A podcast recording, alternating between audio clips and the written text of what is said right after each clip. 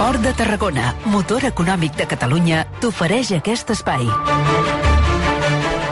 Un quart de sis de la tarda, saludem a aquesta hora el catedràtic emèrit de l'IQS School of Management, Universitat Ramon Llull, Santiago Niño Becerra. Professor, molt bona tarda.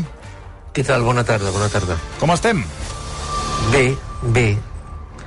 Bé, eh, pues una mica, una mica sorprès, una mica, no preocupat no, però una mica, no sé, trasbalsat tampoc, però molts canvis, molt, moltes coses, Bueno, ara- en molt poc temps. Ara, ara ho abordarem perquè tenim moltes coses a comentar, que per cert el trobem a faltar aquí a l'estudi, veure quin dia es deixa caure.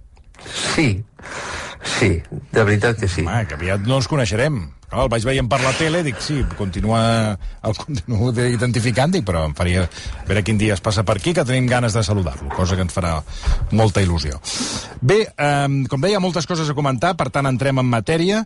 El govern espanyol ha reconegut que la inflació serà més alta i que durarà més temps del que, del que preveia. La ministra d'Economia, Nadia Calviño, admet que cal treballar amb un nou escenari internacional i lloar la decisió del Banc Central Europeu de voler posar a ratlla les primes de risc. L'entitat presidida, recordem, per Christine Lagarde, manté una pujada del 0,25 dels tipus d'interès pel juliol i ja ha anunciat un altre increment pel mes de setembre, que podria ser del 0,5. Calviño diu ara que l'escenari ha canviat quan, curiosament, al mes de maig, per tant, ha passat un mes, assegurava en una entrevista a El Diario El País que no hi havia una espiral d'inflació. Todo apunta a que ya hemos dejado atrás el pico de inflación en el mes de marzo y estamos en esa senda de desaceleración y vamos a tomar todas las medidas a nuestro alcance para que sea lo más rápida posible.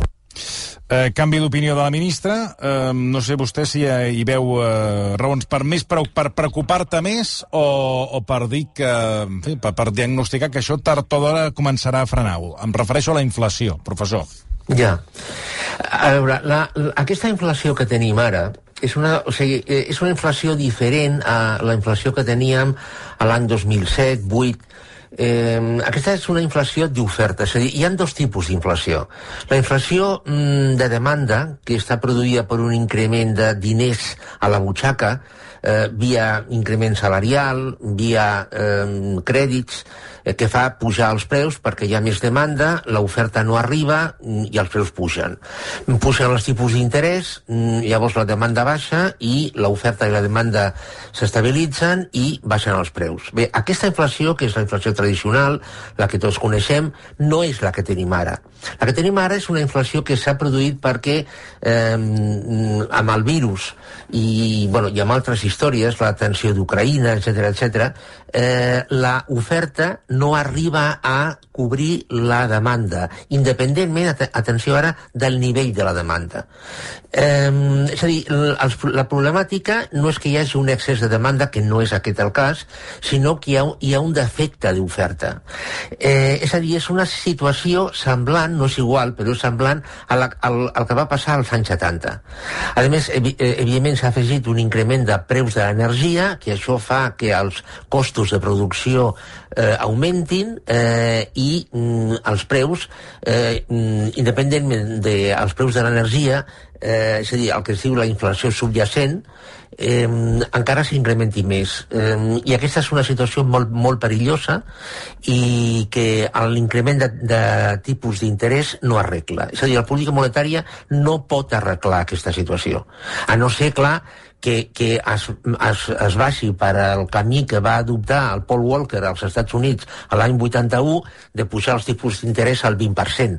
Però jo crec que ara no, la situació no, no, no podria absorbir, la, la situació mundial no podria absorbir un increment de, de preus d'aquest nivell. Espanya, concretament, pot fer molt poc eh, perquè és molt dependent de l'exterior a, a nivell eh, de petroli, a nivell de subministraments, eh, tecnologia, etc etc, xips, eh, Espanya, mm, vull dir, la senyora ministra mm, mm, diu, o pot dir que Espanya prendrà les mesures que, que calgui, però és que Espanya no pot fer absolutament res, o molt poc.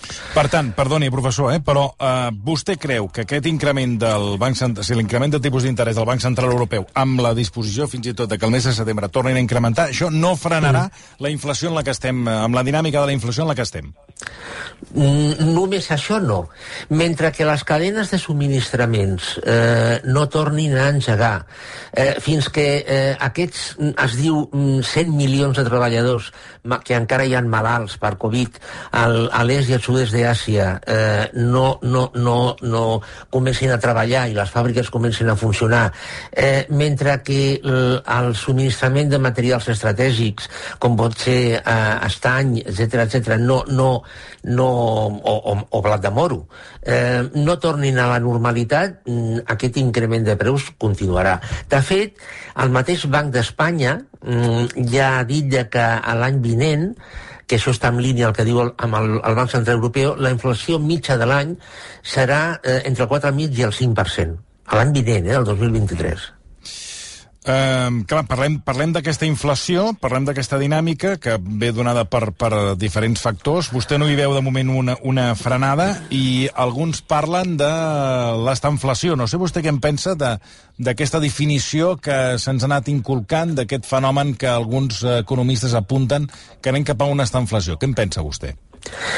Bueno, recordem, eh, recordem que aquesta inflació, el, el concepte d'esta inflació ha canviat. És a dir, als anys 70 es considerava que hi havia aquesta inflació quan hi havia una inflació molt elevada mhm. -huh. i un creixement del producte interior brut mm, de zero o negatiu. Aquesta definició ja ha canviat i, i ara és una inflació molt alta, sí, però un increment de producte interior brut molt, molt, molt, molt baix és a dir, pot ser el 0,3, 0,5, que és positiu, també pot arribar a una situació eh, eh, inflacionària. De fet, el Financial Times, mm, la setmana passada, va publicar un article eh, en el que recollia la eh, opinió de diferents experts amb la probabilitat de que els Estats Units eh, anés cap a una inflació. Bueno, pues, mm, mm, molts experts donaven una probabilitat de entre el 30 i el 50% de que entre la tardor i eh, a l'hivern d'aquest any els Estats Units entrin en, en aquesta inflació. Segons la definició moderna, eh? És a dir, un PIB positiu però molt, molt, molt baix i inflació elevada. I això què suposa? Bueno, això és mm, de lo pitjor que pot passar a l'economia, perquè, bueno, recordem el que va passar a Espanya als anys 70. D'acord que la situació no és, no és la mateixa, eh? Però la, la demanda mm, eh, és la que és, eh, més ben baixa, perquè, evidentment, eh, el, la, la, el percentatge d'atur o de subocupació creix, eh, els preus no baixen, mm, penso sobretot en preus de l'energia, Eh, per altra banda, els governs, eh, i, i recordem que a Espanya l'any vinent hi ha eleccions generals, eleccions municipals i eleccions en moltes comunitats autònomes, també estan, evidentment, estan eh, tirant d'aquesta situació. Eh, les fàbriques tenen problemes de subministrament, o, o, o bé perquè no poden pagar, o bé perquè no arriben a aquests subministraments. Recordem, per exemple, que Skoda ha, ha tornat en segons quin models a les maniveles manuals perquè no té xips eh, suficients, és a dir, és una situació molt, molt dolenta, molt dolenta. La ministra Calviño manté que l'economia espanyola està en una posició sòlida tot i que després, clar, del, del contravolant que ha fet avui, eh, i que només un 15% del deute espanyol està exposat a l'alça dels tipus d'aquest any. Però el cert és que hem tornat a parlar de la, de la prima de risc i hem vist com, per exemple, el Banc Central Europeu feia un toc d'atenció als països més endeutats, entre els que, els, troba, els que es troben Espanya, Itàlia, Grècia i Portugal. La presidenta del Banc Central Europeu, Christine Lagarde, ha dit que no permetrà que es disparin les primes de risc en aquests països, però la veritat és que eh, aquestes darreres setmanes l'Espanyola ha superat ja els 130 punts bàsics. No sé a partir de quina xifra del que serien les, les primes de risc en, ens hem de preocupar. Eh, és a dir, a partir de quin moment eh, ja entrem en una, en una fase, mm, podríem dir, perillosa, professor? Bueno, és que el, el, la prima de risc està relacionada amb dues coses. Una, amb l'increment de tipus d'interès. E, e, és a dir, pregunta, eh, l'increment de tipus d'interès té alguna importància amb l'increment de la prima de risc espanyola? Sí. O, o les expectatives d'increment de tipus. Però hi ha un altre component que és totalment qualitatiu eh, i és la confiança que els inversors tenen en les deutes dels països. I si està pujant la prima de risc és que aquesta confiança en Espanya ha baixat. Vostè, per exemple, ha parlat de eh, el cas d'Itàlia, de Grècia, de Portugal, sí. d'Espanya, mm. però sí, però és que el cas d'Itàlia i de Grècia, el govern espanyol, vull dir, es fica de comparar-los i no té res a veure. Per què?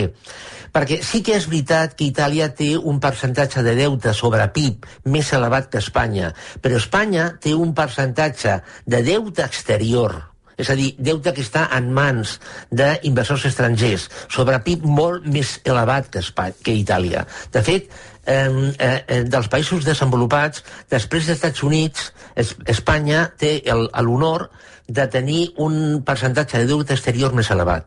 Eh, és, a, és a dir, Eh, mm, és, una, és una situació que depèn molt de la confiança i depèn de la, la, el percentatge de deute que tenen eh, de, de, els inversors estrangers de, del país.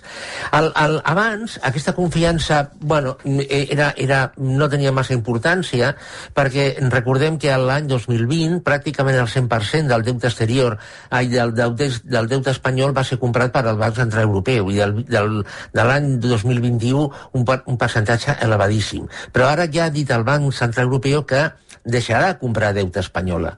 bueno, d'espanyola no, en general, de, de tots els països europeus. Amb la qual clar, Espanya tindrà de vendre aquesta deute als mercats eh, i els mercats li compraran o no depenent de la confiança que tinguin i del preu, i del preu que es pagui. És a dir, és una, és una situació mm, complexa perquè el tema aquest del, de la prima de risc s'afegeix als tipus i s'afegeix també a la inflació. Mm -hmm. I jo li pregunto com se surt de tot això, com, com se surt? Bueno, eh, a veure, la, la inflació, eh, per reduir aquest tipus d'inflació d'oferta que hem comentat... Frenes? Sí, reduint el consum, no hi ha un altre. Per això, per exemple, això que ha fet el govern espanyol de subvencionar la benzina, jo crec que és un error. bueno, la benzina, els combustibles. Eh, ha sigut un error mm, fonamental. Per què? Perquè això incentiva el consum i, i, ha, i ha de ser a l'inrevés. Eh, S'ha de frenar aquest consum. Mm, uh, per exemple, i jo crec que a la tardor això passarà, eh, mm, seria ara pujar l'IVA eh, perquè això també frenaria el consum. I llavors això, això donaria eh, temps a l'oferta per poder recuperar-se. Mm, també eh, seria molt positiu mm, que es reorganitzés el, el comerç internacional eh, perquè els fletes, eh, el preu dels fletes baixés. Pensi que al món eh, tot el comerç marítim de contenidors, tot no, però el 80% està, està en mans de quatre empreses. Llavors, aquesta situació és molt perillosa, perquè és, no, no, no estic dient que ho facin, eh? però és, és molt fàcil eh, o és molt, molt factible mm, manipular els preus. Mm, és a dir, reduir el consum, abaratir el transport eh, i, i bueno, baixar el preu de, de l'energia. Que, que, clar, per baixar el preu de l'energia, l'única forma mm, factible eh, i ràpida és mm, canviar el modus de càlcul del preu. El càlcul del preu, ja hem parlat d'alguna vegada, és, és un, un sistema que jo crec que és absolutament injust, que mm, mm beneficia a les elèctriques, però evidentment no beneficia als, als consumidors. Parlem del que ha dit Paul Krugman, que a mi m'ha sorprès, perquè diu que no anirem cap a una crisi com la dels 70, com vostè fa un moment parlava. Eh, de fet, ell calcula que la inflació relaxarà en un any i dubta fins i tot, i ha dit que creu que el que està fent el Banc Central Europeu eh, és un error, això de pujar els tipus d'interès. No sé què en pensa vostè, eh, pel que diu Paul Krugman, que tot això és un altre bueno, estudiós en la matèria. Uh, una, un, bueno, jo ja he comentat que la situació s'assembla de les, al dels anys 70, però evidentment i, i afortunadament no és la dels anys 70, perquè a la vegada estàvem en una guerra freda, etc etc. no? És a dir, mm, ara, mm, vull dir, mm, clar, la pregunta és si anem cap a una estanflació o no. Jo, jo, crec, jo crec que no. El, el que passa és que eh, sí que la inflació continuarà sent un problema, eh, i, i més en països com Espanya, que té, tenen tantíssima dependència exterior, i, i, i bueno, mm, clar, mm, per al, senyor, per al doctor Paul Krugman, per al professor Krugman, la, la, la situació és, és molt diferent eh, en els Estats Units que a Europa. Per què? Perquè eh, els Estats Units té una cosa que es diu dòlar, eh, que ell controla, eh, i Europa um, a, a, bueno, controla i evidentment és, és, té, té un pes econòmic mundial molt més elevat que l'euro eh, i, i a l'euro eh, Europa és un país molt fragmentat eh, a nivell econòmic, em refereixo i polític també, no? però a nivell econòmic és molt fragmentat i llavors la situació és total, totalment diferent. Eh, jo, jo crec, ja he començat a dir que la política monetària amb aquesta inflació no, no, no funciona. El que passa és que jo crec que aquest 0,25 del juliol i aquest probable 0,25 del setembre més que res ten, tindrà eh, implicacions eh, eh, vull dir eh, que no tingui, és a dir eh, que, que a la, a la persona o a les empreses no els hi, no els hi, eh, els tregui expectatives de consum, no? Però dissuasòries, això no sortia paraula, no? Es, eh, expectatives dissuasòries, però no tindrà un impacte real en la reducció del, del, dels preus, del nivell de preus. Bueno, anem amb més coses, perquè mm, un altre de les, dels elements que es posen sobre la taula és aquesta proposta del Ministeri d'Indústria que ha iniciat els tràmits perquè 150 empreses puguin provar ja la setmana laboral, allò que semblava tan llunyà, de 4 dies o 32 hores laborals, mantenint el 100% del sou als treballadors i intentant mantenir també, i aquí està la clau, la productivitat. Eh, per fer-ho possible, hi destinarà una ajuda de 10 milions d'euros i després de l'estiu se'n farà la avaluació. Eh, per exemple, al Regne Unit s'acaba de posar en marxa també un pla similar i durant 6 mesos 73 empreses aplicaran aquest model que és eh, conèixer com a que es coneix aquest model com 180-100. 100% del salari, 80% del temps de treball i 100% d'efectivitat. Anem cap aquí, professor? Miri, jo, jo eh, ja, ja portem, portem anys ja amb el, amb el debat aquest. Sí, per això eh, dic que sembla sí, que a sí. poc a poc sembla que arriba. Sí, bueno, mm, d'entrada, d'entrada mm, depèn de les empreses i depèn dels sectors. Vull dir, perquè en, en un hotel, per exemple, mm, no es pot aplicar si no contractes més personal, perquè, perquè una, una, una, un, un, una persona que està a la recepció d'un hotel no pot, no pot anar més ràpid del que ja va, almenys en, en, en principi, no? A veure, per, per reduir la jornada laboral mantenint salaris, només hi ha una possibilitat, que és que la productivitat s'incrementi. No, no hi ha una altra. Cuidado, sense contractar més personal, evidentment. És a dir, si, si contractes més personal, eh, vull dir, pots reduir la, la jornada laboral, la productivitat no s'incrementa, però bueno, s'incrementen els costos i això dependrà de l'empresa. Però, mm, torno a dir, eh, eh, reduir la jornada laboral, mantenint salaris, mm, sense contractar més personal, l'única via és incrementar la productivitat. Per incrementar la productivitat, un, una de dues o les dues. S'incrementa la inversió, mm, és a dir, més maquinària, més tecnologia, etc etc. I o, i o eh, es canvia l'organització per millorar els processos productius. No hi ha un altre. Eh, a, a, aquest, invent, aquest invent que s'ha fet, per exemple, a la comunitat valenciana, o, o això que vol posar en marxa el govern espanyol, bueno, a, a veure, a mi jo pu, ho puc acceptar que es dongui una subvenció de 3.000 euros per treballador, per provar com funciona, etc etc. però clar, és a dir, el que no es pot fer és reduir la jornada laboral a, a base de despesa pública. Mm, és a dir, eh, jo eh, estem parlant de 10 milions, és un experiment, és un laboratori, Mm, perfecte, però, però mm, a veure, mm, les coses són com són. Espanya no, no, no és a dir, l'estat espanyol o les comunitats autònomes, més igual, no, no poden dedicar-se a subvencionar reduccions de jornada perquè llavors, vull eh, això no funcionaria. De fet, recordem que la productivitat a Espanya està caient. Eh? eh és a dir, jo només ho recordo. Eh, ha augmentat el nombre de persones que estan treballant al mes de maig eh, però s'ha reduït el nombre d'hores treballades. Això significa que la productivitat ha caigut. Mm. Amb aquest entorn, mm, pensar en reduir jornada, mm, jo, mm, jo sincerament no, no, no m'encaixa. Per exemple, recordem també que Desigual, una empresa que tots sí, coneixem, sí, ha reduït la jornada laboral, sí, però amb reducció de salarial És a dir, ha reduït la jornada al 15% i ha reduït el, el salari al 6%. I l'altre 6, la diferència, de moment, ho absorbeix l'empresa.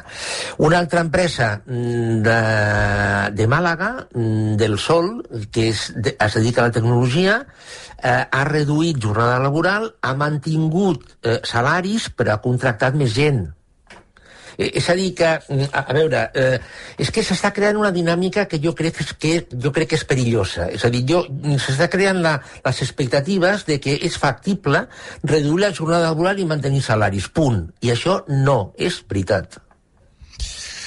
Um, una altra qüestió que volia comentar amb vostè és que l'Ajuntament de Barcelona ha anunciat avui un acord amb els guies turístics per limitar els grups de turistes a 15 persones a Ciutat Vella. Això m'agradarà veure-ho. Uh, a l'abril, amb, la, amb la Setmana Santa, Catalunya va recuperar un 70% del turisme internacional, però uh, encara queda un 30% per sota del que va venir el 2019. Estem ja, podem dir, amb, amb xifres i amb un model econòmic uh, anterior al de la... O sigui, uh, el que seria la prepandèmia? Miri, miri eh, mm, sempre els polítics, eh, quan parlen de turisme, sempre parlen de nombre de turistes eh, els milions de turistes que venen, sí, si sí. hem ja recuperat el nom... No. L'únic rati, l'únic rati que és significatiu en el món del turisme és la despesa mitja per turista i dia d'estància. Llavors, les dades de l'INE, que aquest, aquest són una línia que recull l'INE, l'INE. Eh, eh, el, el, si no recordo malament, el dia, a, a la data de 31 de maig, eh, hem, hem superat, hem superat eh, en, en termes monetaris la eh, despesa mitja per turista i dia d'estància de l'any 2021. Eh, en termes reals no, perquè com la inflació s'ha disparat, eh, en termes reals no s'ha no superat. Mm, llavors, que, que, que vinguin tants milions o no vinguin, o, mm, per, per exemple, per exemple, hi ha, hi ha una dada molt curiosa... Vol dir que no és una qüestió de eh, quantitat, que... sinó que és una qüestió de qualitat. Exacte, exacte. Eh, ara ara hi, ha un, hi ha un debat, eh, el País publica avui un article sobre, sobre aquest tema eh, i és que eh, el sector de l'hostaleria eh, a Madrid es queixa de que no hi ha personal, no tenen personal. Eh, no tenen cambrers, no tenen personal per, de, per hotels, etc etc perquè volen, eh, o sigui, estem buscant altres feines perquè, evidentment, les condicions de treball no són, eh, bueno, no són bones, tot lo bones que voldrien. De fet, eh, un, un directiu d'una cadena hotelera ha reconegut que són millorables les, les condicions. Però, però és que els preus dels hotels, eh, no, no vull dir noms, però un hotel de 5 estrelles de, de, de altíssima categoria de Madrid, eh, a, a, a, que avui dia les habitacions tenen un preu de 400 euros, eh, el volen pujar a 1.000 euros i l'any vinent a 1.500 euros. Eh, això és positiu, realment. Eh, el que passa és que això ha de tenir un reflexe amb els eh, salaris del personal. Mm -hmm. Si no, aquí tenim un problema. Sí, sí, està claríssim. Sí, sí. Bueno, aquesta, aquest augment de preus, que és el que a poc a poc anem, vi anem vivint i anem veient, no? Eh, que, però, clar, això el que, sí. el que reporta és que també s'han d'augmentar els salaris i aquesta és la qüestió que, que, en fi, que suposo que tot plegat es fa complicat, no? Fins a quin punt les empreses podran eh, mm, pujar els salaris per continuar sent competitives? Bueno, pues, eh, llavors una de dues, o, o no tindran personal o mm, tindran d'obrir la porta, que sembla ser que la, la, la solució volen, fer, volen que sigui aquesta, a la immigració, perquè una altra vegada vingui una onada d'immigració barata per treballar amb, amb, amb, amb el sector serveis. Ara, de tota manera, no sé, eh, jo crec que en un hotel que està cobrant o que vol cobrar 1.500 euros per habitació ha de tenir un personal d'una certa categoria, no? perquè si no això no encaixa. Eh, comptaré fins a 10 perquè hi vaig estar aquest diumenge amb un i li puc assegurar que, que vaig tenir la sensació que sí, que hi ha problemes de, problemes de greus de eh, cambrers de, de, en fi, de servei de, de segons quin nivell perquè vaig veure coses ja. que, que, en fi, que em van, em van arribar a sorprendre. Professor, que, que tingui una molt bona tarda, una abraçada molt Igualment. forta. I cuidis, Igualment. el proper dia aquí l'esperem a l'estudi, eh? Segur que sí. Vinga, bona tarda i una gràcies. abraçada a vostè. Adéu, bona tarda. Catedràtic emèrit de l'IQS School of Management, Universitat Ramon Llull. A tot això, d'aquí uns moments, aquestes darreres setmanes hem parlat molt d'eufòria, però avui Marc Serra està eh, al concurs de música de l'Institut Català de la Salut, Ah? on eh, celebren, i a més en directe, música Sí. en directe, eufòrics. Port de Tarragona, motor econòmic de Catalunya. Node logístic del corredor del Mediterrani. Uneix Catalunya per ferrocarril amb Europa i amb el sud i l'interior de la península Ibèrica. Port de Tarragona, una porta oberta al món per a tot tipus de tràfics marítims i un espai d'oportunitats per a noves activitats logístiques. Més informació a porttarragona.cat. Versió RAC 1